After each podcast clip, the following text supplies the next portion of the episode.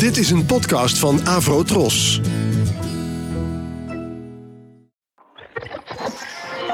Ladies and gentlemen, The Fab Four. Fab Four. John, Paul, Fab Four. George, Ringo. Four. Not four. Fab Four. We have for you the Fab Four. Fab Forecast.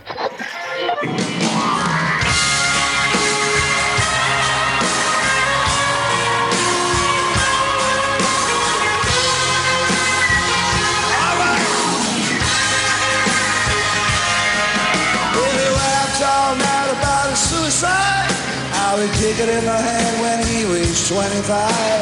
Speed jive, oh, what a stay alive. When you're 25, I when you're stealing clothes from Marks and Sparks. And when he's got spots for moving up the stars, let us say.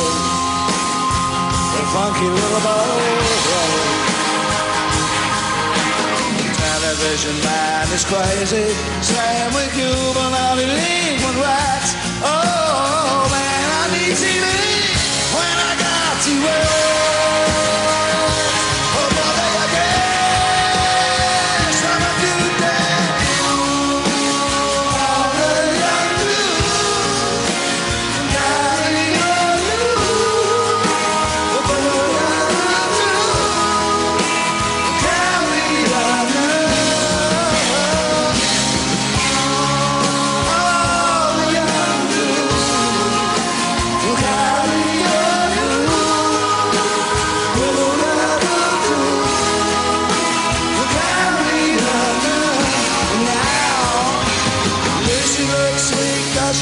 like a queen, but she can cook like a mule. She will mean to that we can laugh. You better believe it. My brother's back at home with his Beatles and his stuff. We never got it off on that revolution stuff. What a drag. Too many snag. I drunk a lot of wine and I'm feeling fine.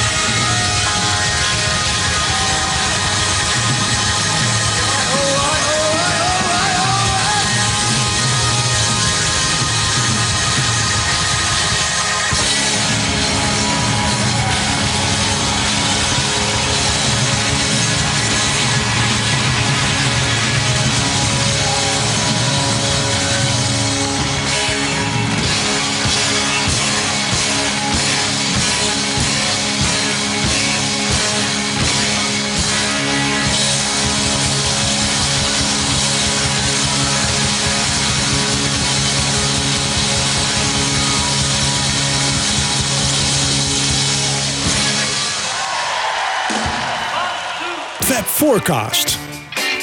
Welkom, beste luisteraars, bij wederom een nieuwe show van Fab Forecast. En deze show zal gaan over het thema van de relatie tussen de Beatles en David Bowie. We hebben hem al aangekondigd op Facebook. Uh, en dat alles natuurlijk naar aanleiding van het overlijden van uh, David Bowie op 10 januari jongstleden. Uh, ja, toch allemaal erg van geschrokken in ieder geval, denk ik. Ik in ieder geval wel. Ja. Gaat ook een beetje voor jullie? Uiteraard, ik ook. Ja. Niemand ja. ziet het aankomen. Nee, nee, we hoorden het in één keer. Ik dacht op maandagochtend hè, hoorden ja, we het. Uh, klopt. Voor het, in één keer Radio 1 luisterde ik en ik hoorde het in één keer. Ja. Ja. Dat is ook een mooie kop in NRC van die avond. Bowie verrast een laatste keer. Ja. Hij is natuurlijk altijd een man geweest met al, allerlei uh, nou ja, stappen in zijn carrière die niemand uh, had uh, zien aankomen, kon zien aankomen. En nu deze stap en had deze, dit, dit trieste bericht dat hij, dat hij is overleden na een 18 maanden durende strijd met kanker. En uh, ja, um, zoals het dan gaat, gaan wij natuurlijk met onze Fab Forecast bril op uh, meteen nadenken van wat is er eigenlijk te vertellen over het thema uh, Bowie en The Beatles. En uh, nou, dat is eigenlijk ja, best ja, wat, veel wat, wat kwam nou bij jou als eerste binnen? Wat, wat, wat, wat, dacht je het eerste aan? Nou, je denkt natuurlijk als eerste aan de samenwerking met, met Lennon. Hè. Dat is halfwege jaren 70. Ja, Fame, uh, Across the Universe, uh, dat zijn de bekende covers. Um, eigenlijk was dat een beetje wat ik dacht, dat, dat is er wel. Ik wist ook vaag dat hij een cover had gemaakt van Penny Lane. Stond jij dat ook bij? Nee, dat wist oh. ik niet. Ik wist het ook niet. Nee. Oké, okay. nee. nou dat is ook uh, dat is een gerucht wat op internet uh, gaat. Daar komen we zo meteen nog over te spreken. Maar uh, als je er echt diep in gaat duiken, dan blijkt er zoveel over te vertellen zijn. En uh, dat gaan we allemaal uh, fijn met jullie doornemen. En we begonnen deze show met het nummer All the Young Dudes. Natuurlijk een nummer dat, dat Bowie schreef voor, um, nou, eigenlijk, eigenlijk voor zijn eigen album Ziggy Stardust had op moeten komen. Maar uiteindelijk is het een grote hit geweest voor de band Mod the Hoople. En wie speelt hier op drums? Inderdaad, dat was Ringo. Want in 2001 zat Ian Hunter, de zanger van Mott de Hoepel, in de All-Star Band. En er uh, zijn trouwens twee drumstellen die we horen op dit nummer. Maar goed, Ringo is in ieder geval één die, één, één die uh, uh, op, op drum speelt op dit nummer. En ja, lekkere, lekkere opname. Mooi, mooi nummer wat mij ja, betreft. Zeker. Ja. Heel Bowie-achtig. Dus Ja. je hoort meteen dat hij het geschreven heeft. Ja. Ja. En er zit natuurlijk ook een andere Beatles link in, want er zit dat ene zinnetje in. En my brother's back at home with his Beatles and his Stones. En het schijnt dat dat ook voor Bowie een soort uh, ja, manier was om aan te geven van er is een oude generatie, de Beatles en de Stones. Uh, daar luisterde dus de broer uit dat nummer van. En uh, naar, naar en um, ja, er is een nieuwe, nieuwe generatie aangetreden. En dat is hij natuurlijk wel een beetje. Iemand die een nieuw geluid vertegenwoordigt in de Britse popmuziek. En zich eigenlijk constant blijft vernieuwen. En wat dat betreft is de vergelijking met de Beatles natuurlijk heel terecht. Want ja, die twee zijn twee bands die altijd bezig zijn geweest met een nieuw geluid. Zichzelf opnieuw uitvinden. En niet, niet snel twee platen achter elkaar gemaakt die hetzelfde klinken. Klopt. Zelfs Ja. in zijn latere werk niet. Hij is iets jonger dan de Beatles, hè? ja, hij is in 47 geboren. Dus Ja. ja Dus, dus hij is waarschijnlijk wel heel erg sterk beïnvloed door de Beatles. Ja, nou dat, dat is dus interessant. En daar komen we eigenlijk uh, uh, al meteen met een mooi bruggetje naar uh, de, wat ik als eerste ze wilde doen. Van nou ja, wat, hoe wordt hij beïnvloed door de Beatles in de loop van de jaren 60? Want als je kijkt, hij is in 47 geboren en hij heeft um, al vanaf 62 heeft hij zijn eerste bandjes. Heeft hij allerlei bandjes, nou het zijn er bijna te veel om op te noemen. Um, ik heb een mooi boek daarvoor aangeschaft. Um, de Conrads. Dat zijn allemaal bandjes die ongeveer een jaar duren. De Conrads. De Hooker Brothers, Davy Jones en de King Bees. De Managed Boys duurden een jaartje tot 65. De Lower Third van 65 tot 66. De Buzz. Uh, de Riot Squad. Nou, allemaal ja, uh, gelegenheidsgroepjes waar hij in zit en waar hij ook eigen materiaal zingt. En je zou verwachten dat hij ook af en toe, hè, als de Beatles zal opkomen en ook interessante dingen doen, zoals Revolver en zo, dat hij een beetje gaat coveren. Ja. Maar dat doet hij eigenlijk helemaal niet. Um, hij is vooral met zijn eigen materiaal bezig. Um, maar dat verandert in 1967, want dan gaat hij een eigen ja, plannen, gaat hij plannen ontvouwen voor een eigen cabaret tour in Engeland. Uh, want hij heeft ook wel gezien, al die bandjes, ja, het is allemaal leuk en aardig, maar het levert geen uh, brood op de plank op. Uh, het levert eigenlijk heel weinig op. En dan krijgt hij een manager, een man met de naam Kenneth Pitt, en die zegt: We moeten met jou een cabaretshow gaan maken. En zo kom ik ook op die ene foto, die hebben we al op Facebook gezet van David Bowie met die, met die cut-out poppen van Yellow Submarine. Weet je wel? Ja. Ja. Heb je niet afgevraagd van waar komt het nou vandaan? Wat, wat staat hij daar nou te doen? Een heel jonge David Bowie, hij is dan 21. Ehm, en dat was dus in het kader van een cabaretprogramma wat die Kenneth Pitt had bedacht. Die dacht van nou, wij moeten met, we moeten iets met dit talent gaan doen. We moeten dat op een of andere manier gaan coördineren, in goede banen gaan leiden. En eh, het idee was dat hij ongeveer een half uur lang een cabaretshow zou hebben... waarmee hij door eh, allerlei theaters zou gaan reizen. En in het kader van die cabaretshow neemt hij ook een aantal Beatles covers op... waaronder eh, When I'm 64, eh, Yellow Submarine en All You Need Is Love. Nou, ik zeg hij neemt covers op, dat is niet helemaal juist gezegd... want hij, hij studeert die nummers in en die moet hij zeg maar als in het kader van die cabaretshow gaan brengen. Maar het loopt helemaal op niks uit. Hij doet auditie voor een aantal van die eh, boekers ehm, en voor een aantal clubeigenaren van die Astor Club waar het had moeten spelen. En die vinden het eigenlijk helemaal niks. En die zeggen van dit, hier moet hij onmiddellijk mee stoppen. En eh, ja, dit was weer een van zijn vele vroege projectjes die eigenlijk gewoon falen. Dus eh, voor Yellow Submarine heeft hij waarschijnlijk gebruik gemaakt van die pop. Ja, dat was het idee. In het kader van die cabaretvoorstelling eh was er ook een act met die cut-outs van die Yellow Submarine. Maar die zijn inderdaad wel degelijk ook geleend van de, van de filmmaatschappij die Yellow Submarine had geproduceerd. Ah. Daar had die Kenneth Pitt de, de originele poppen van Oh, dus geleend. dat is er wel. Ik- Ja. Ze hebben ze niet nagemaakt, maar ze hebben de ja, originele. Ja, zijn originele. Want je ziet ook wel eens John en, eh, en Paul en zo samen met die eh, poppen Ja. staan. Maar dat zijn dus dezelfde soort poppen die eh, hij ook heeft gebruikt. ja. Oké. Dus ehm, ja, maar dat... eh, dat, dat Maar niet het meest voor de hand liggende. Hè? When I'm 64 vind ik nou niet een Nee. Beatle-nummer eh, wat, bij, wat je eerst bij Davy, David Bowie Nee. zou verwachten. Nee, nou is het wel zo. In diezelfde show, show zit ook een nummer dat heet When I'm Five. Oh, Dus dat had Oh, nou, ja. ken ik zelf Ja. geschreven. Dus misschien ja, dat ze dachten van nou, dat sluit leuk op elkaar aan. Heb je thematisch iets te pakken. Ja. Maar verder is ook Yellow Submarine. Denk ik ook van hoe, Ja. hoe, hoe zal dat in vredesnaam geklonken Hm. Ja. hebben? En All You Need Is Love. daar zeg je een Eh, opname van. Nee, nee, er zijn geen opnames van. Dat geldt voor veel, veel meer dingen die hij eh, gedaan heeft. Maar ehm covers van de Beatles. Hè, dus hij, hij, hij doet dat wat in het kader van het cabaretprogramma.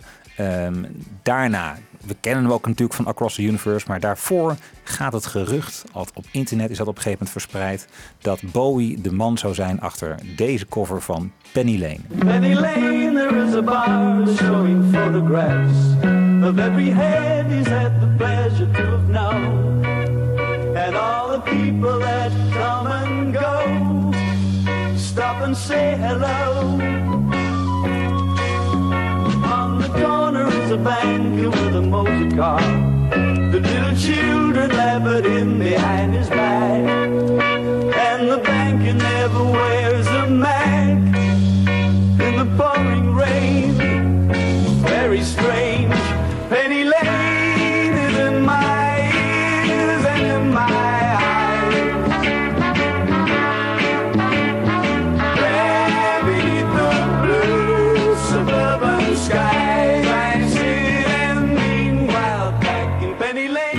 een indruk van deze cover van Penny Lane. En het zou nou eigenlijk aardig zijn om dat even te beluisteren zonder dat je weet dat mensen het associëren met David Bowie. Maar had je het dan ook geassocieerd met David Bowie als je dit had gehoord? Nee, absoluut nee. niet. Nee. Nee, het, is- het is ook een hele nauwkeurige volgen van de Beatles eigenlijk. hè. Helemaal Ja. geen eigen interpretatie of zo. nee. Maar zou hij dit gezongen moeten hebben dan? Of? Dit zou, nou ja, er, er was in, die, eh, in, in dat jaar kwam er een album uit dat heette Hits met een uitroepteken. En dat waren gewoon inderdaad hits uit 1967. ehm, die door ja, bekende, of niet bekende zangers, maar gewoon zangers eh, werden opgenomen. En gewoon interpretaties van contemporain materiaal, om het zo maar Ja. te zeggen. En daar behoorde ook Penny Lane toe. En, eh, en, en later pas heeft men die LP ontdekt. En toen heeft iemand op YouTube gezegd van nou, dit is volgens mij David Bowie. Die helemaal geen credit krijgt ook op die plaat.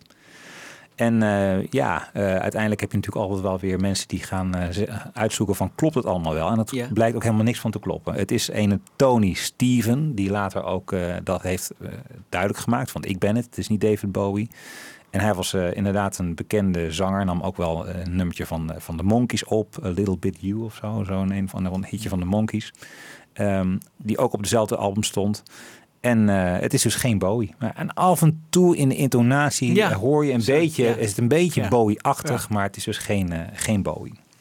Ehm, Dit is dus geen Bowie, maar, eh, en dat is ook wel interessant om even te vermelden, Bowie is later wel echt iemand die veel met de Beatles doet in zijn teksten en in zijn, in zijn, ook in de live optredens. En dat horen we bijvoorbeeld een paar jaar later. Bowie is dan al behoorlijk doorgebroken, want we spreken in 1972. Dan heeft hij het nummer The Gene Genie, is een, eh, speelt hij live. En dat loopt dan over in het volgende nummer dat ons maar al te bekend in de oren klinkt.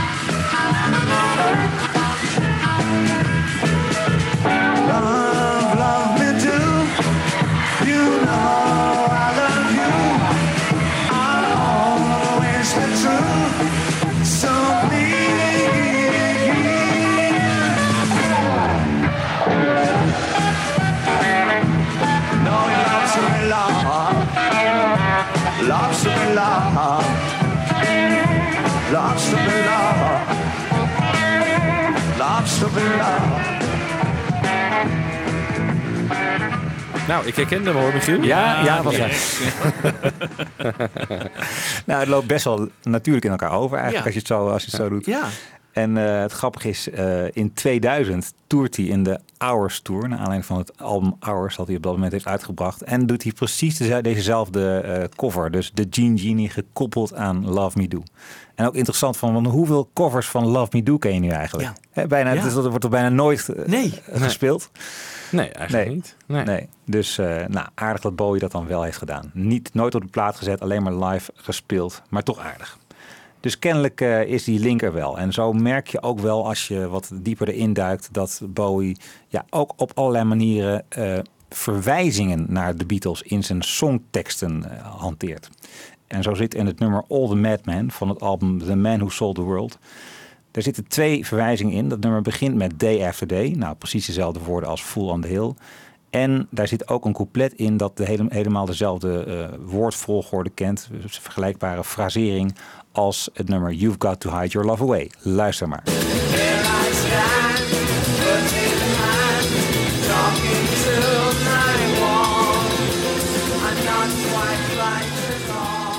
Nou, een paar jaar later is een ander voorbeeld dat veel bekender is. Het achtergrondkoortje in Young Americans, waar ook Luther Vandross van deel uitmaakt. Daar horen we dit.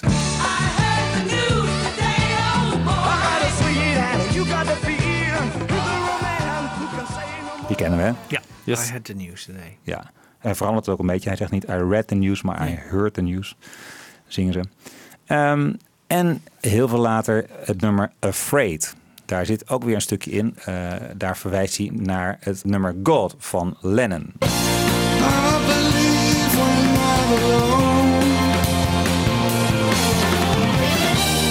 I believe. Ja, I believe in gelooft wel in Beatles. de Beatles. Hij wil. Ja, hij wil, hij wil. ja, het zijn maar kleine voorbeeldjes, maar toch aardig. Eh, en misschien wil ik nog eentje even noemen voordat we na- naar Live on Mars gaan. Namelijk eh, de intro van het nummer Let's Dance. Een grote hit natuurlijk uit 1983. Dat rechtstreeks ontleend is aan inderdaad Twist and Shout.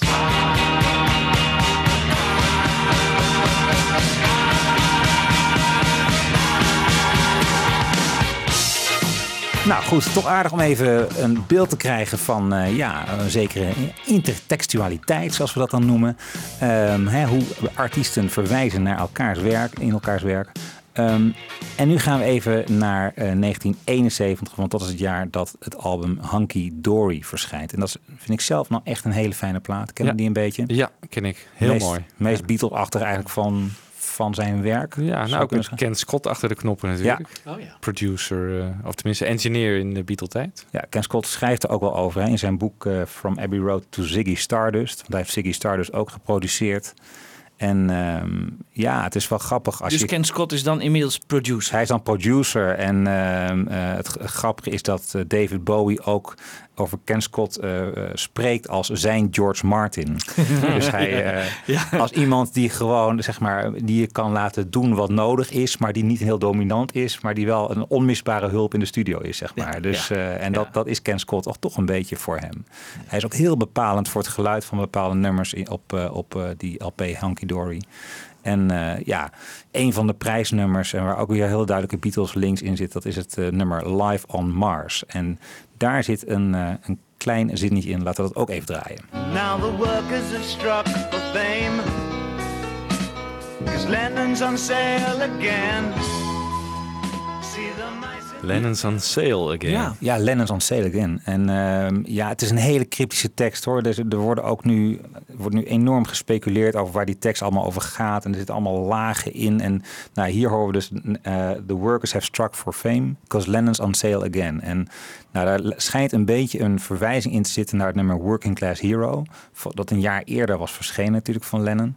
En daar gaan we later over, eh, wel wat over zeggen. Want daar was Bowie helemaal weg van, van dat, van dat album. eh, John Lennon en eh, Plastic Ono Band. Het was echt een, een album dat diepe indruk op me maakte. En hier, ja, wat hij hier nou precies doet, is... het gaat dus over de, de werklieden. En men vermoedt dat het een soort woordspeling is tussen Lenin... natuurlijk een voorman van het socialisme, en Lennon. Dus hij wil daar een soort woordspeling op maken. En dat is dan in dit nummer zo terechtgekomen. Ja, ja. Ja. En verder ook wel aardig om te vermelden is dat er een hele dominante pianopartij ook in zit. Eh, en dat is opgenomen op precies dezelfde piano als de piano waar ook Hey Jude op is gespeeld. En Ah, maar die, Martha, stond in die, en die stond in die studio, Olympic. Ja, Ja, in de Olympic toch? Studio. Tr- eh, Trident. oh. Trident. Sorry, ja, ja. Trident. Ja, Ja. ja, ja. ja. Ja, Ja. daar is het opgenomen. Ja. Ja. Ja. En daar nam eh, Bowie ook op. Daar nam Bowie ook op. Ehm, dus dezelfde piano, met een heel, nou, heel helder geluid in ieder geval.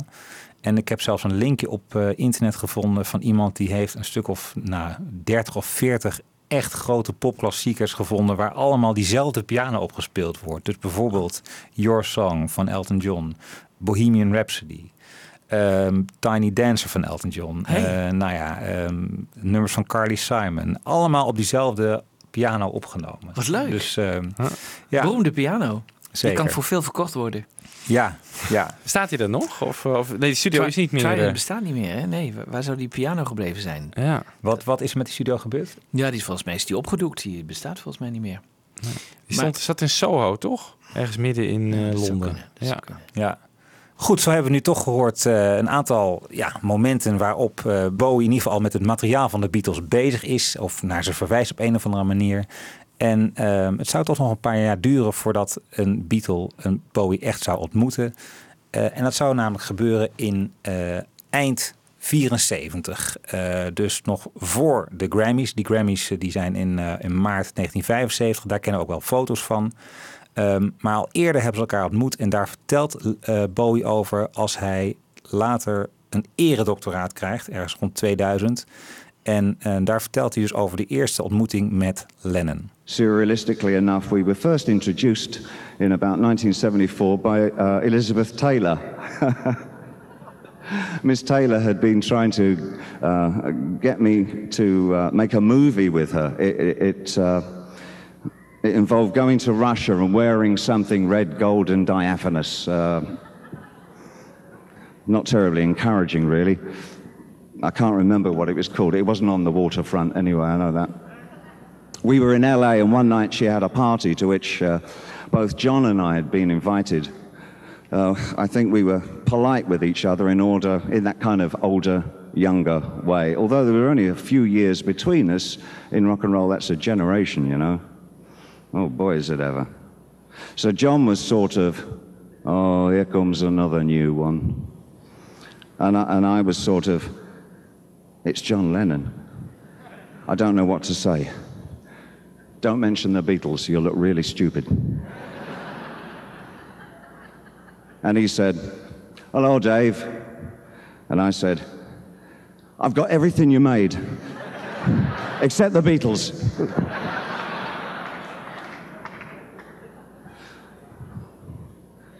Couple of nights later, we found ourselves backstage at the Grammys, where I had to present the thing to uh, Aretha Franklin. Um, before the show, I'd been telling John that I didn't think America really got what I did. that I was misunderstood. Remember, I was in my 20s and uh, out of my head. so, the, so the big moment came, and I ripped open the envelope and announced the winner is Aretha Franklin. Aretha steps forward and, with not so much as a glance in my direction, snatches the trophy out of my hands and says, Thank you, everybody. I'm so happy I could even kiss David Bowie. Which she didn't, and promptly spun around and swanned off stage right. So I slunk off stage left, and uh, John bounds over and gives me a theatrical kiss and a hug and says, See, Dave, America loves you. ah, we pretty much got on like a house on fire after that. Goed, het was dus Elizabeth Taylor die de twee met elkaar in contact bracht. Die gaf kennelijk een feestje. Ik heb er later ook over gelezen dat, Bo- eh, dat eh, Lennon dat hoorde. En dat was een feest met allemaal Hollywoodsterren. En daar wilde hij dan onmiddellijk bij horen. Hè? Maar inderdaad, als je in de chronologie kijkt... dit was nog eigenlijk midden in zijn Lost Weekend. Hè? Dus eh, toch, uh, niet middenin, maar aan het eind van zijn Lost Ja. Weekend... als je het zo moet Ja. bekijken. Eind 74, ja. Officieel wel, inderdaad. Hij was bij Joko weg. Weg. Maar hij had het wel gewoon eh, wel weer op een rijtje. Want hij was heel productief, volgens mij midden in Ja. eh, Walls and Bridges en zo. Ja. En dat soort... Ja. En is dan die Grammys, want die foto's kennen we dus. Yoko is daar ook al zwanger van Sean. Eh, is dat het eerste moment dat ze weer eh, samen zijn, eh, publiekelijk samen Ja, zijn? Geloof ik wel, ja. Ja, ja, nou het grappige is, hij heeft op dat moment, dat is in maart 75, en dan heeft hij al zijn eerste opname met, met eh, Lennon gemaakt. En eh, hebben Lennon en Bowie al samen wat dingen opgenomen, namelijk in januari 1975, voor het Young Americans album. En het grappige een album, is een heel mooi album trouwens, een, een beetje soulful album. En hij heeft het altijd zelfs een Plastic Soul eh, album genoemd. Dus het is eigenlijk weer hetzelfde fenomeen als we allemaal met I'm Down al hebben gehoord, weet je wel, van Ja. blank artiesten die een zwart geluid eh, op, eh, op de plaat zetten. Nou, hoe dat tot stand is gekomen, hoe die, hoe die, eh, de, de eerste stappen naar die opnames worden gezet, heeft Lennon ook la- later wat over gezegd. En dat laten we nu even horen. Hoe het komt dat hij, eh, hoe, ja, hoe hij gecontact werd door David Bowie om samen te gaan opnemen. I got to know David through Mick, really, although I'd met him once before. And next minute he says, Hello, John, I'm doing uh, Cross the Universe. Do you want to come on down? So I says, All right, you know, I live here. I'll, I popped down and I played rhythm. You know. and uh, then he had this lick, you know, we'd finished Across the Universe, and he had, this guitarist had a lick, so we sort of wrote this song, you know, it was no big deal. We just sort of, oh, boom, boom, boom, you know, like that. It wasn't like sitting down to write a song, so we made this lick into a song is what happened.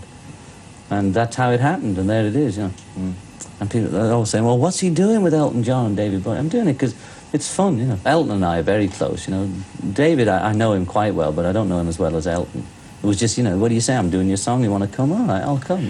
Ja, leuk om te horen eh, hoe eh, hij eigenlijk al spreekt over fame. Hij noemt het woord geloof ik niet. Maar eh, in, precies in diezelfde opnamesessie als voor Across the Universe... daar gaan ze ook met fame aan de slag. En het grappige is, het album Young Americans is op dat moment eigenlijk al gewoon al helemaal compleet. Het moet gewoon uitgebracht worden. Maar Bowie komt toch nog met een, een kleine verrassing.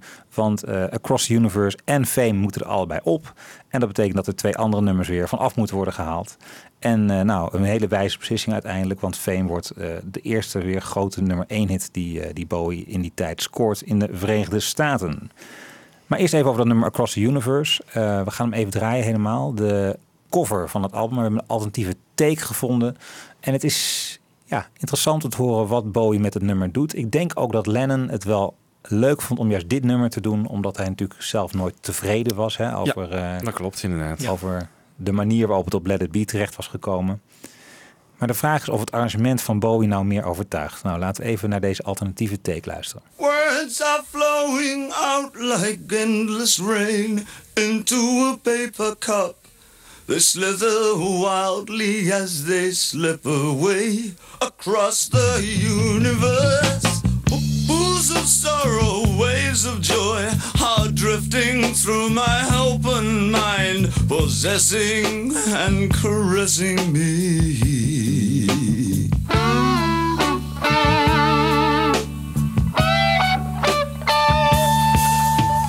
Nothing's gonna change my world. Nothing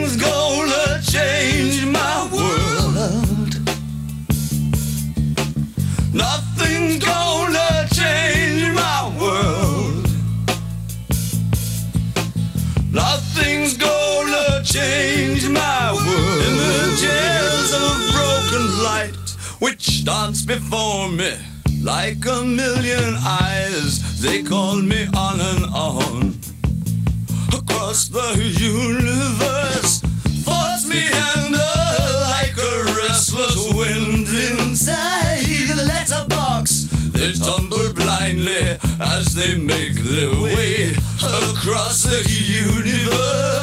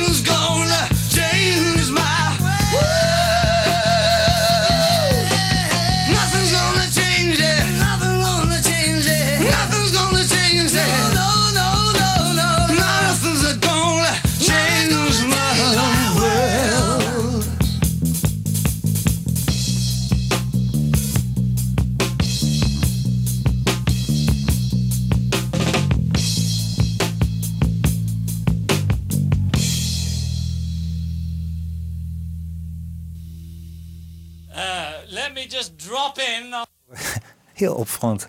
Lennon nog even aan het eind. Let me just drop in. Dat is in ieder geval een, eh, dat is de, oh, deze verlengde versie van Across the Universe nog wel te horen. Ja, het is ehm, niet echt goed te horen, eh, omdat we het origineel natuurlijk niet eh, helemaal naast hebben nu. Maar ik vind het een, dat hij zo raar zingt in dit Ja, nummer. vind ik ook. Ik vind Ja. het niet mooi. Nee. Nee. Hij probeert een soort toon te vinden, maar hij lijkt hem niet te vinden om, om dit nummer nou overtuigend neer te zetten. En Nee. Eh, eigenlijk als je naar het origineel luistert, zie je ook het bouwt op naar een soort climax. Terwijl ik vind dit nummer, dit is zo'n poëtisch nummer, dat moet je gewoon ja, klein en, en toch een beetje de Beatles manier wat dat Ja. betreft. Was overtuigender dan dit eh, wat bombastisch eh, geheel wat Bowie ervan maakt. We weten dus niet wat de invloed van Lennon hierop is. Hij, hij speelt gitaar, maar ik denk dat hij verder in de studio heel weinig eh daar, daar gedaan heeft. Ja. Alleen even drop in. Ja. En eh, hij was wel, trouwens, Bowie zelf heeft er zich later over uitgelaten, heel erg tevreden over deze cover. Dus dan eh, kunnen we dat in ieder geval wel even weten. Nou. Ja, Ehm, Across the Universe. ehm, dus een, eh, de eerste cover die, die echt op de plaats zit van de Beatles. En daarna Fame. Nou, daar horen we. Eh, dat gaat dus meteen door, want Bowie is nog niet klaar mee. Die wil ook eh, een ander nummer opnemen. En dat zou dus Fame worden, een hele grote hit. En hij vertelt in dit clipje even heel kort eh, over de bijdrage van John aan dit nummer. What happened really, Carlos Alomar, my rhythm guitarist, had a riff that I'd been using for foot stomping, the old rock and roll. Everybody young and old learns how to rock and roll. And we sort of said, let's take that riff and then write something over it. Right. Um, it was Carlos's riff. And then John was playing and he kept on coming up with, I'm, I'll give you the guitar. I'm, like that. And I said, this- oh yeah, right. This- This is John Lennon saying aim. aim. And I put an F in front of it and that was it really. hey, dat is leuk hè? Leuk verhaal. En dat is toch wel een heel belangrijke bijdrage Ja. het nummer. Dat is gewoon dat, dat, één, dat één woord wat er telkens eh, in Ja. het nummer klinkt. eh. Eigenlijk Lennon staat aan de wieg van dit, eh, ja, van, dit succes, wel. Ja. ja. Ehm, nou, grote hit dus. Daarna eh groeien de heren weer wat uit elkaar. Althans, ze zijn niet de hele tijd met elkaar bezig. En aardig is nou dat eh, Peter Doggett, die heeft een heel mooi boek geschreven... wat een beetje de opzet kent van eh, Revolution in the Head van, van Ian MacDonald. Hè. De, al die Beatles-nummers worden dan chronologisch doorgenomen en geanalyseerd. Hij heeft hetzelfde gedaan met het werk van Bowie in de jaren 70. En die zegt dan bij dit nummer Fame dat Lennon later een demo zou gaan schrijven. En dat nummer heet She's a Friend of Dorothy. Ja, dat kennen we. Ja, en die zegt, eh, wat zegt eh, eh, Peter Doggett? Ja, dat gaat over Bowie. Oh. Nou, wat is het verhaal? Wat, ken je de uitdrukking a friend of Dorothy? Weet je wat dat betekent? Dat betekent is eigenlijk dat je, als, je als iemand homoseksueel is, dan noem je zo iemand a friend of Dorothy. Kennelijk is dat een verwijzing naar The Wizard of Oz, waarin dat meisje Dorothy zit en die heeft allemaal heel veel rare vriendjes. En dan zegt iemand van, het zijn eh, they're very queer friends, eh, aren't they? Ja. En dan zegt ze iets van, "Is it, doesn't matter as long as they're friends. Maar queer friends, Ja, dus queer, dat kennen we natuurlijk ook allemaal, dat is homoseksueel. En sindsdien is dat een soort eh, ja, eh, eufemisme geworden voor een homoseksueel, a friend of Dorothy. En in dit nummer ja, hoor je ook wel allerlei verwijzingen naar iemand die ja, inderdaad zich als nou ja, wat hetero homoseksuele eh, eh, karaktertrekken heeft, zich eh, apart kleedt en een beetje ja, de homoseksuele levensstijl, zoals je dat soms heel extravagant kan doen. Hè. Ehm, daar, over zo'n persoon gaat dit nummer. En eh, nou, ik, het is allemaal niet eh, meer te achterhalen natuurlijk of het echt zo is. Maar het is op zich meer interessant om te Ja. denken of dat misschien Lennon Bowie in zijn achterhoofd had toen hij dit nummer schreef. Okay, I'll try and keep my foot off the pedal. Well, maybe I should play it higher up, you see.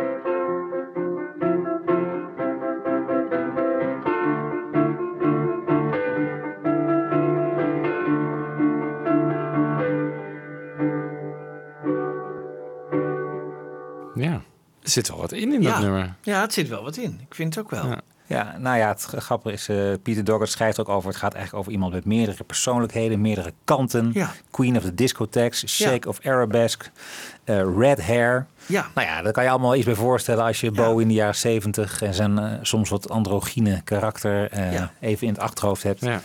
Ehm, Ik kende dit ook helemaal niet trouwens, maar ik vind het, eh, er zit ook nog wel qua nummer nog wel potentie in. Ja. Ja. om, om een keertje iets mee te doen of zo. ja, ik las ook ergens iets dat iemand zei van dat hadden de Beatles moeten opnemen in 1950. Maar of dit nummer nou qua thematiek daar helemaal... Dat weet ik ook niet. Nee.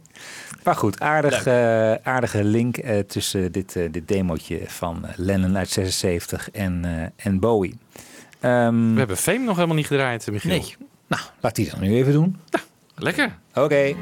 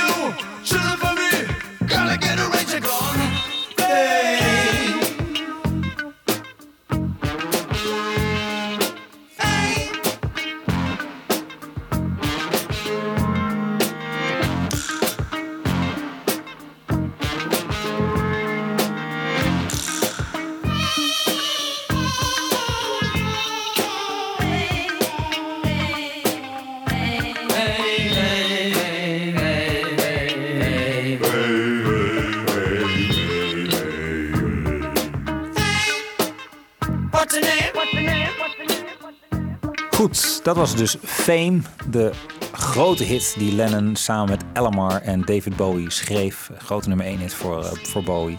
En een eh, heerlijk lekker nummer. Ehm, en nou ja, nu we het toch over het thema beroemdheid hebben.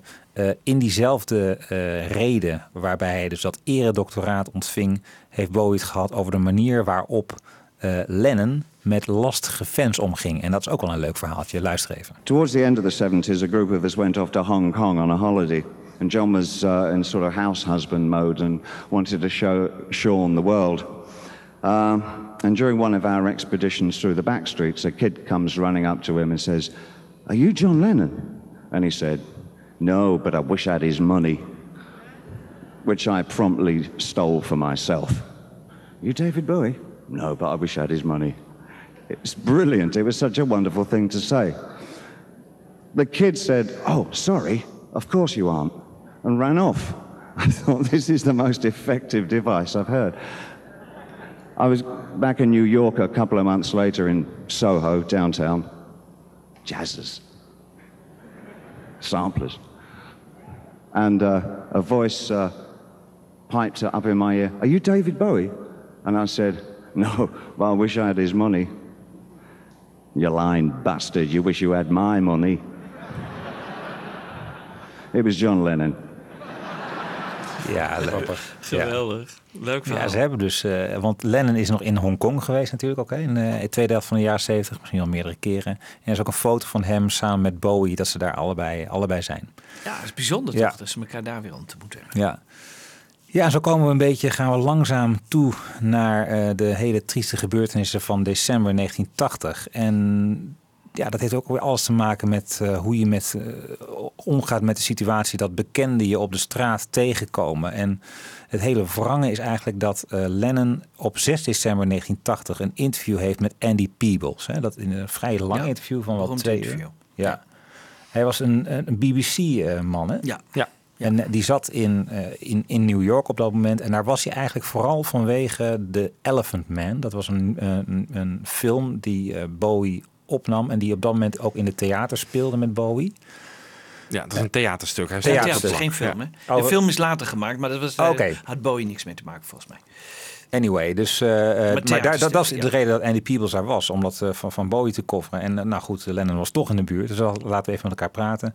En in dat interview hoor je op een gegeven moment ook Lennon praten over wat de voordelen zijn van het leven in New York. En dat relateert hij ook aan iets, want, iets wat David Bowie daarover had gezegd. One final question to you. What about your private life and your own sense of security these days? David Bowie, I think, has recently said, but the great thing about New York is that he can walk down the street and people, instead of rushing up and ripping his clothes off, will come out, Uh, or rather just walk past him and say, Hi, David, how are you? And he can say, I'm very well. Is it the same for John and Yoko? Yeah, that's what made me finally stay here. It wasn't a conscious decision. I just found that oh, I was going to movies, going to restaurants, and the five years you think you know it was just baking bread and the baby. No, because I I went to Hong Kong and walked around, and people cannot appreciate what it was. To, when I left England, I still couldn't go on the street. It was still Carnaby Street and all that stuff was going on. We couldn't walk around the block, couldn't go to a restaurant unless you wanted to go with the business of the star going to the restaurant garbage. I've been walking the streets for the last seven years.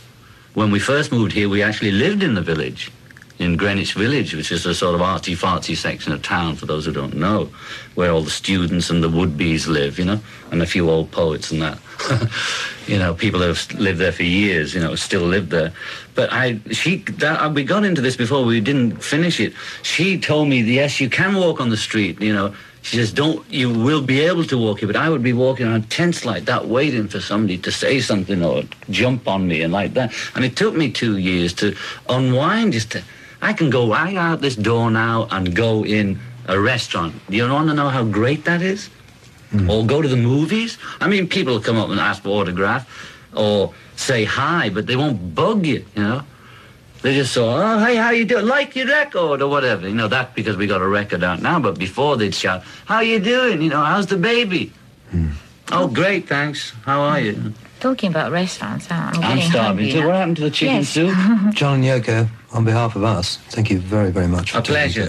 A great pleasure to talk to you and the BBC and all the English and Scots and Welsh and Irish listening. And Cheers.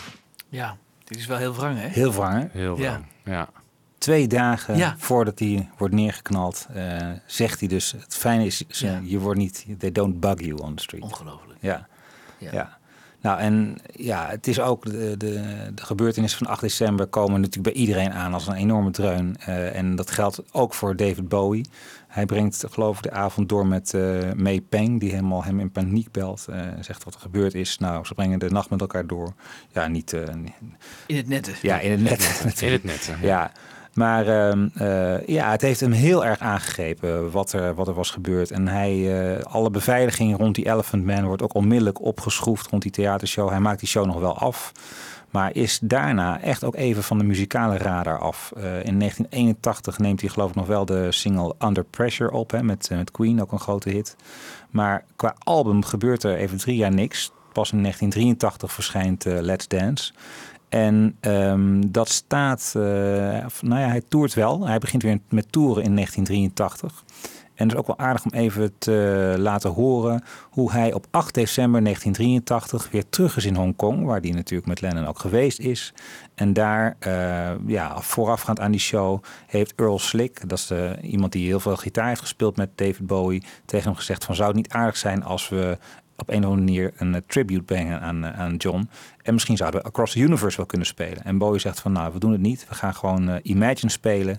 En nou, daar horen we, daar horen we deze versie ehm 8 december 1983 in Hongkong tijdens de Serious Moonlight Tour Imagine. On this day, December the 8th, 1980, John Lennon was shot and killed outside of his New York apartment.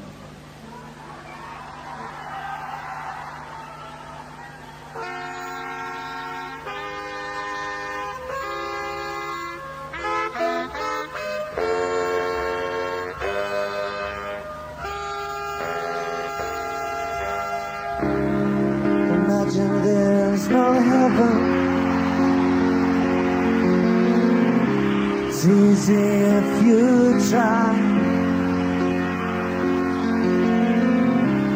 No hell below us. Above us only sky. Imagine all the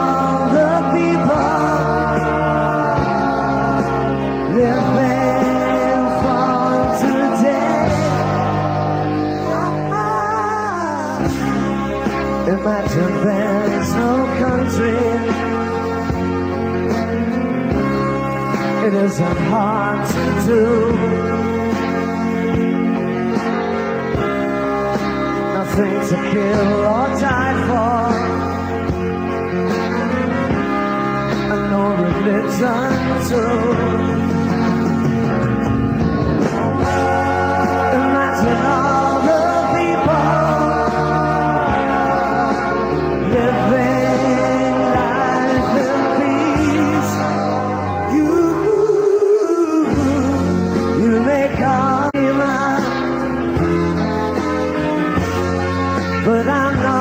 Only one.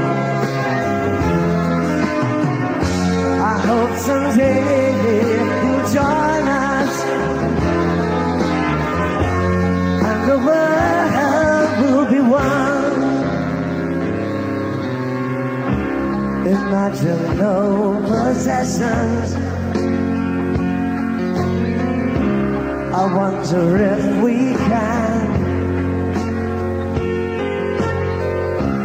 No need for greed or hunger.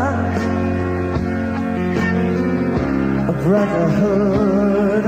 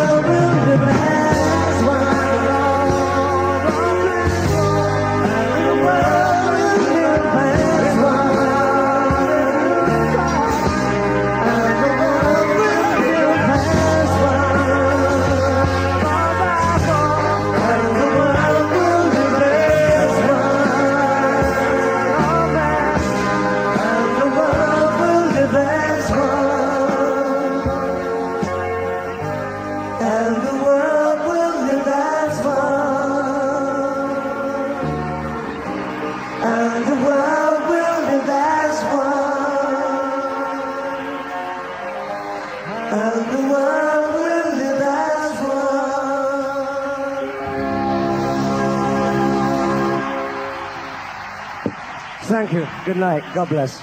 Imagine dus. En inderdaad opvallend wat jij ook zei, Jan Kees, eh, tegen mij even terwijl het nummer speelde. Dat hij dus Across the Universe niet doet. Maar ik denk dat hij dat dit nummer toch meer associeert met eh, de boodschap van vrede. Die eh, eigenlijk op dat moment gewoon ja, het meest met Lennon werd geassocieerd.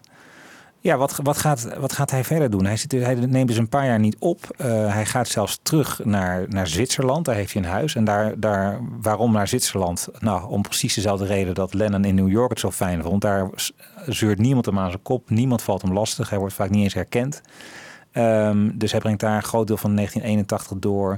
Uh, en ja, is gewoon eigenlijk uh, gewoon heel lang. Niet om uh, belastingtechnisch. Ja, dat wordt ook gesuggereerd trouwens. Ja, ja. klopt. Ja, Queen dat zat daar ook, hè? Die had daar een studio ja, in ja. Montreux. Ja, ja. Yes heeft ook was een laatste LP ook ja. opgenomen. Ja, ja en, en um, ook interessant is om even te noemen dat hij uh, echt een soort um, ja, vaderfiguur is geworden ook in de loop van de jaren tachtig voor Sean Lennon. Hij voelt zich echt een beetje verantwoordelijk uh, voor ja, die jongen die daar zonder vader opgroeit. En in diezelfde tour, die Series Moonlight Tour, is aardig om even heel kort dit te laten horen dat hij het nummer Space Oddity opdraagt aan Sean. I want to dedicate this to a little boy called Sean.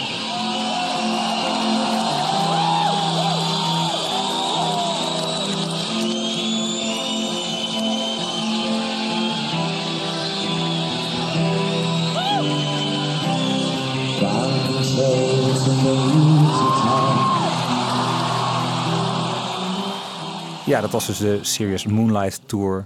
En uh, Le uh, Sean Lennon heeft later zelf ook verteld over de vaderfiguur die David Bowie in zijn leven was. I first uh, met Mr. Bowie actually when I was really young because he was a good friend of my dad and he's friends with my mother as well. So I didn't really know anything about the Beatles or rock and roll or glam rock or any of that. I was just a kid and you know, David was often around also when Andy Warhol was around because they were friends. And, you know, he, he, was actually a very sort of normal parental kind of figure in my life. He even would ta- pick me up at boarding school when I was in Switzerland to go on weekends or outings and stuff. And that's because he has a house in Lausanne, or he used to, I don't know anymore. So for me, he was actually sort of like an uncle. Goed, nou als jullie nog wakker zijn, dan gaan we even verder naar... Zo wakker, ja. Het is geen uh, energieke verteller inderdaad, nee. nee.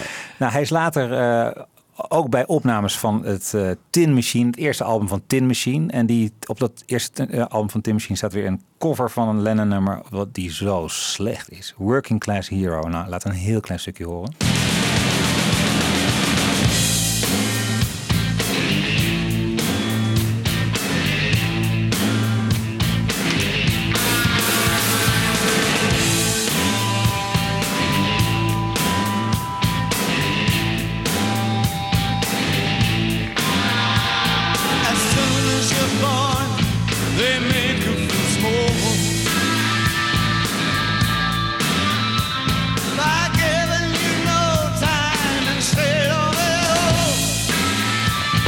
Moet hij weg, Michiel? Ja. ja zo, zo gaat het nog vier minuten door. Ja. Ik, hoe haal je het in je hoofd om er zo'n zo'n arrangement aan te geven aan zo'n nummer wat, wat je zo in je hoofd hebt als een soort akoestische. Uh, en dat zoveel voor hem betekent heeft, ja. dan, dat je dat zo omgooit. Ja, het is wel Des. Bowie's om te doen, denk ik. Net als hij met de Cross the Universe heet. Maar... Het is in ieder geval verrassend. Dat kan je niet ontkennen. Nee. nee. Um, als laatste cover wil ik nog even één ander ding noemen. Namelijk in 1999 gaat hij Mother opnemen. En uh, Yoko Ono heeft dan plannen om een tribute album uit te brengen. Voor uh, Lennon, die natuurlijk in 2060 jaar geleden geboren is. En voor die 60ste geboortedag dus een tribute album zou moeten uitkomen. Maar dat is nooit gekomen. En um, Bowie levert wel een nummer aan, namelijk het nummer Mother. En dat is later, ik geloof van 2005, 2006, is het wel op internet verschenen. En uh, nou, die cover vind ik al iets overtuigender. Maar ik kies dus ook weer veelzeggend voor een uh, album van uh, John Lennon Plastic Ono Band. Ja, omdat het toch het album is volgens mij dat, dat hij het meest bewondert van Lennon. Mother, you had me, but I never had you.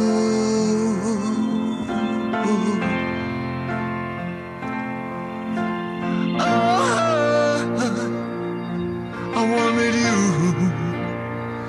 but you didn't want me.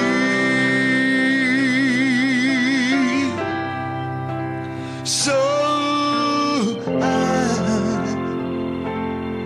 Mm-hmm, just gotta tell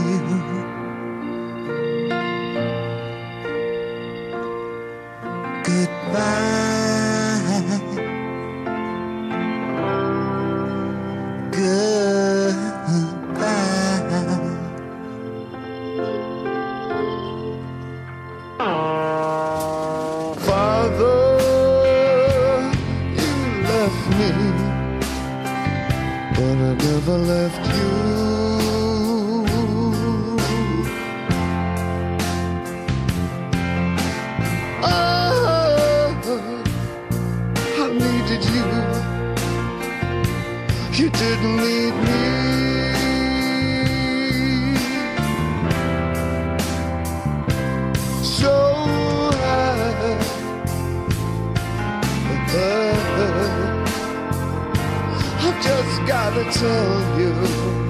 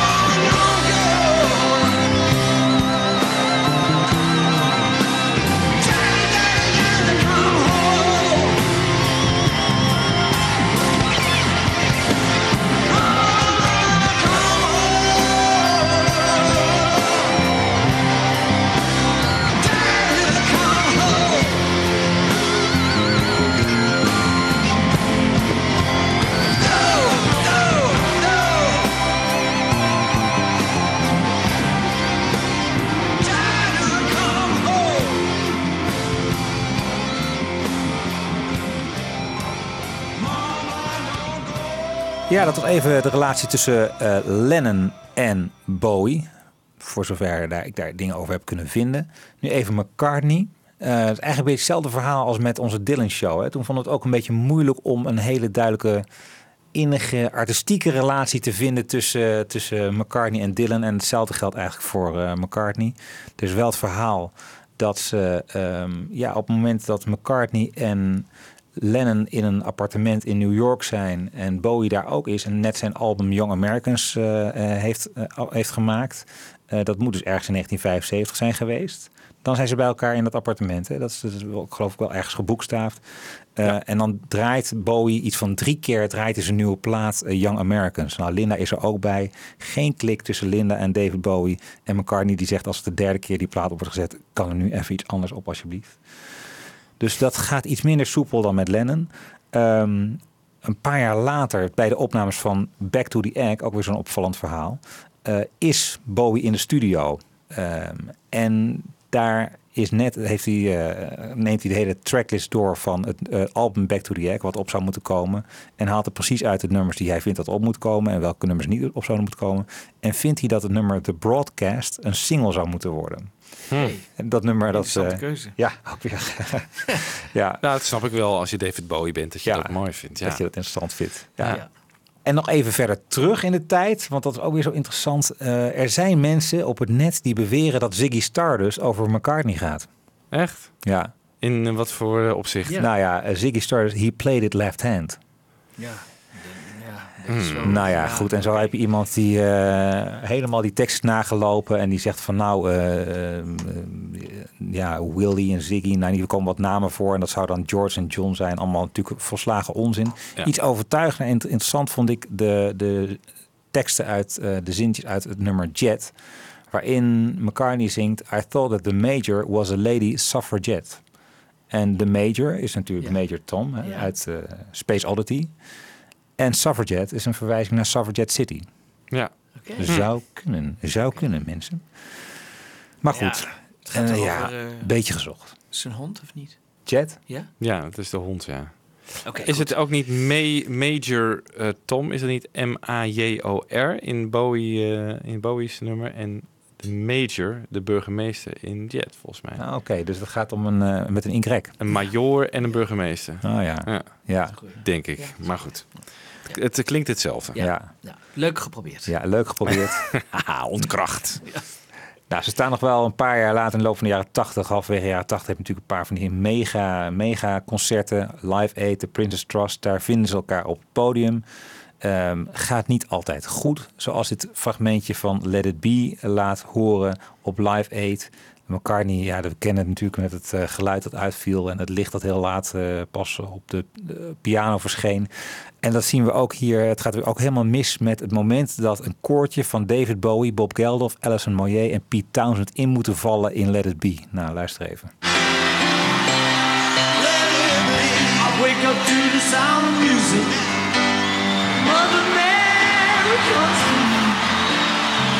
Speaking words of wisdom. Let it be.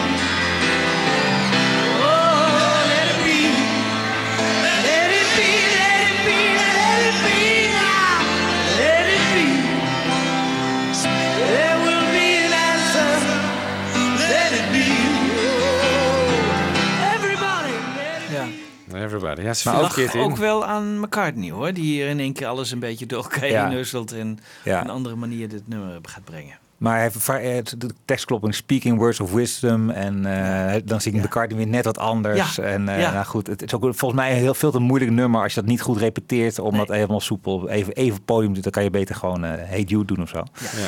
Ehm, Maar op die Princess Trust, die een jaar later is, hè, dan kondigt eh, McCartney David Bowie en Mick Jagger aan. Ja. Even, even kort luisteren. Time for one more surprise. This was a surprise for all of us as well. I'd like to introduce you to gentlemen. Come out specially here today. Big welcome for Mr. Bowie and Mr. Jagger. Nou, ik Ja, had ja. no- nooit geweten dat eh, er nog een slotact na McCartney was op het Nee. Princess Trust. Ik Oh, dacht ja. dat hij de afsluiter Ja. was, maar... Oké. Hey, dat Ja. is interessant. Maar het ja. kwam kennelijk ook Ja. voor hemzelf als een verrassing. Hè? Wij wisten niet, wisten niet dat eh, Bowie ook nog op het podium kwam. Nee. Oké. Hij dacht, mooi, ik eh, sluit de show af, maar eh Ja. Ja. wauw, wauw, er kwam Ja. nog wat anders. Hey, en dan had jij nog een leuke quote van, eh, over een bepaald schilderij. Ja, McCartney die is natuurlijk in zijn vrije tijd uh, hobbyt hij wat bij met, eh, met schilderen. We hebben allemaal wel eens een schilderij van hem gezien, denk ik. En een van die schilderijen eh, heet Bowie Vomiting of Bowie Spewing. Spewing. Ja. En eh, dat was geloof ik een klodder verf die eh McCartney op het doek gooide. En daar eh, ontwaarde hij het hoofd van David Bowie in. En David Bowie heeft daar in, tijdens een interview voor Schiffers.fm in 2002 ooit een keer het volgende over gezegd. He was gracious enough to write to me and say, look, he said, I've done this, you know, really weird picture of you. And it's like, it's like, you know, it was just a red blob, you know, and then you kind of came out of it and it looks like you're throwing up. And I wanted to call it Bowie vomiting. Is that okay? and I said, uh, that's fine. Thank you. Maar elders is een andere quote en dan zegt hij toch iets anders nog. Hij voegt hier iets aan toe. I'm just finishing my own piece called McCartney shitting. Die vind ik nog leuker. Ja. Ja. Ja.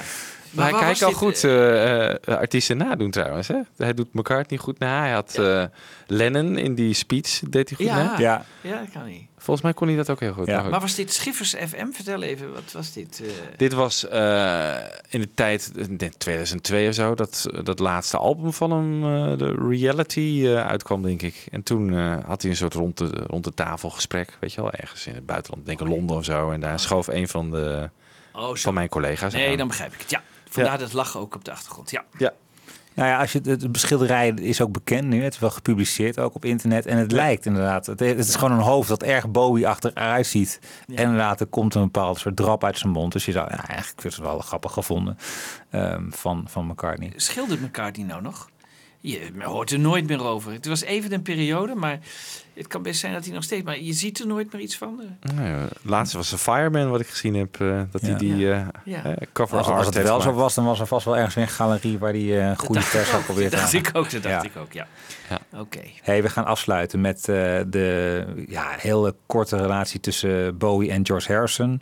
Ehm, nou, die zit eigenlijk vooral in één nummer, namelijk het nummer Try Some, Buy Some. En het grappige is dat eh, hij dat nummer al ergens begin jaren 70 al een keer eh covert, al een keer live speelt. Hij kent het dan alleen nog maar in de versie van, eh, van Ronnie Spector, die hij heel mooi vindt. En later in 2002 gaat hij het album Heathen opnemen. En daar neemt hij het ook officieel op. En interessant is dat daar in dat titelnummer van Heathen zit ook een kleine quote uit van. eh verwijst hij ook naar All Things Must Pass. Luister maar even. All things must pass. En op datzelfde album dus ook een eh, cover van Try Some Buy Some. Maar wij kiezen hier even voor een live versie van hetzelfde nummer. En eh, sluiten daarmee deze show over eh, David Bowie af. Ja, dank voor de enorme research, Ja, eh, Michiel. het was even... Complimenten. Ja. We hebben weer veel geleerd over... Ja, nou, dat is interessant hè, dat je eigenlijk als je zo in zo'n artiest duikt, dat je altijd wel weer dingen, dat je meer vindt dan je zou verwachten. En ik, eh, met, met Dylan was het toch ook zo. En je kan, eh, ik denk Dylan en Bowie zou ook een goede thema, goed themashow zijn. Er zit volgens mij ook heel veel in. Maar eh, ja, heel interessant. Heel interessant om allemaal even vooral ook die relatie met Lennon precies op het netvlies te krijgen. Ja. En nou, laten we zijn platen nog maar veel draaien. Maar het is dus wel zo, Lennon is belangrijker geweest voor Bowie als andersom. Ja, ja, dat denk ik wel. Kunnen we het zo nou, stellen, ik, ja, dus, dus is één, dat- er wordt gezegd ja, dat er een nummer, een ander nummer is van Never Let Me Down, waar eh, ja, en dat bevestigt een beetje wat je zegt, dat dat een dat, dat, dat is van een, een van zijn album uit 87 geloof ik, wat door Lennon beïnvloed zou zijn, maar ik geloof niet dat we bij Lennon nou veel Bowie invloeden vinden, als je dat bedoelt. Ja, Nee, geloof ik ook niet. Maar goed, ja, daar is natuurlijk ook helemaal de tijd niet meer voor geweest. Hè, dus, eh, Oké, we sluiten dus af met eh, Try Some, Buy Some. Tot de volgende keer. Tot de volgende keer. I love this song so much. Uh, I hope I do it justice tonight. This one is uh, uh, written by George Harrison. It's called uh, Try Some, Buy Some.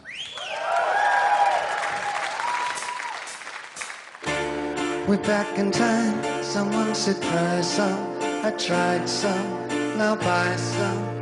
I bought some. Ooh. After a while, I tried them, denied them, I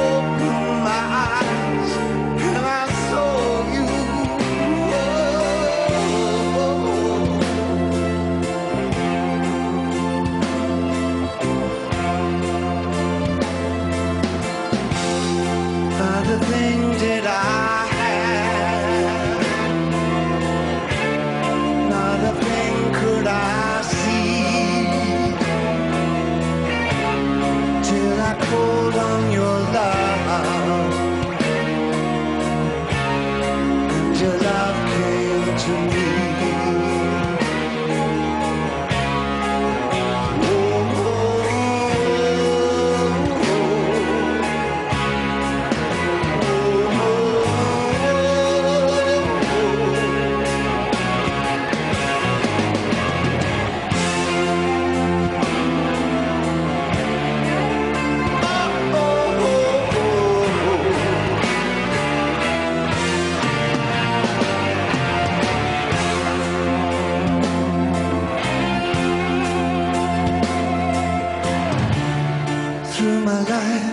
Life, I've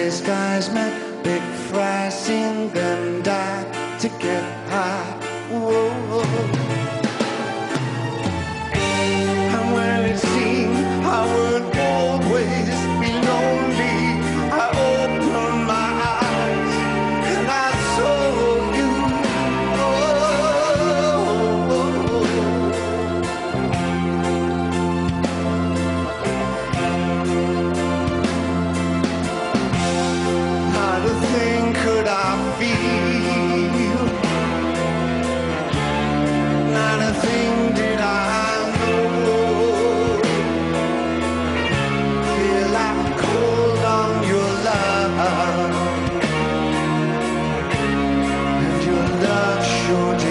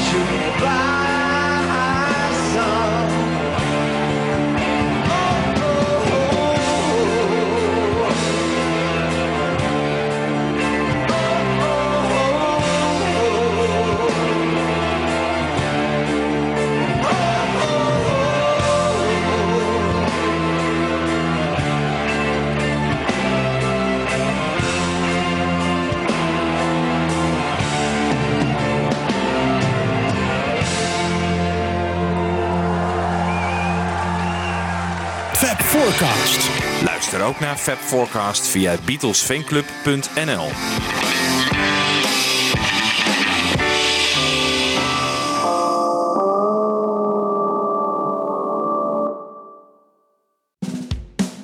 Dit was een podcast van Avro Tros.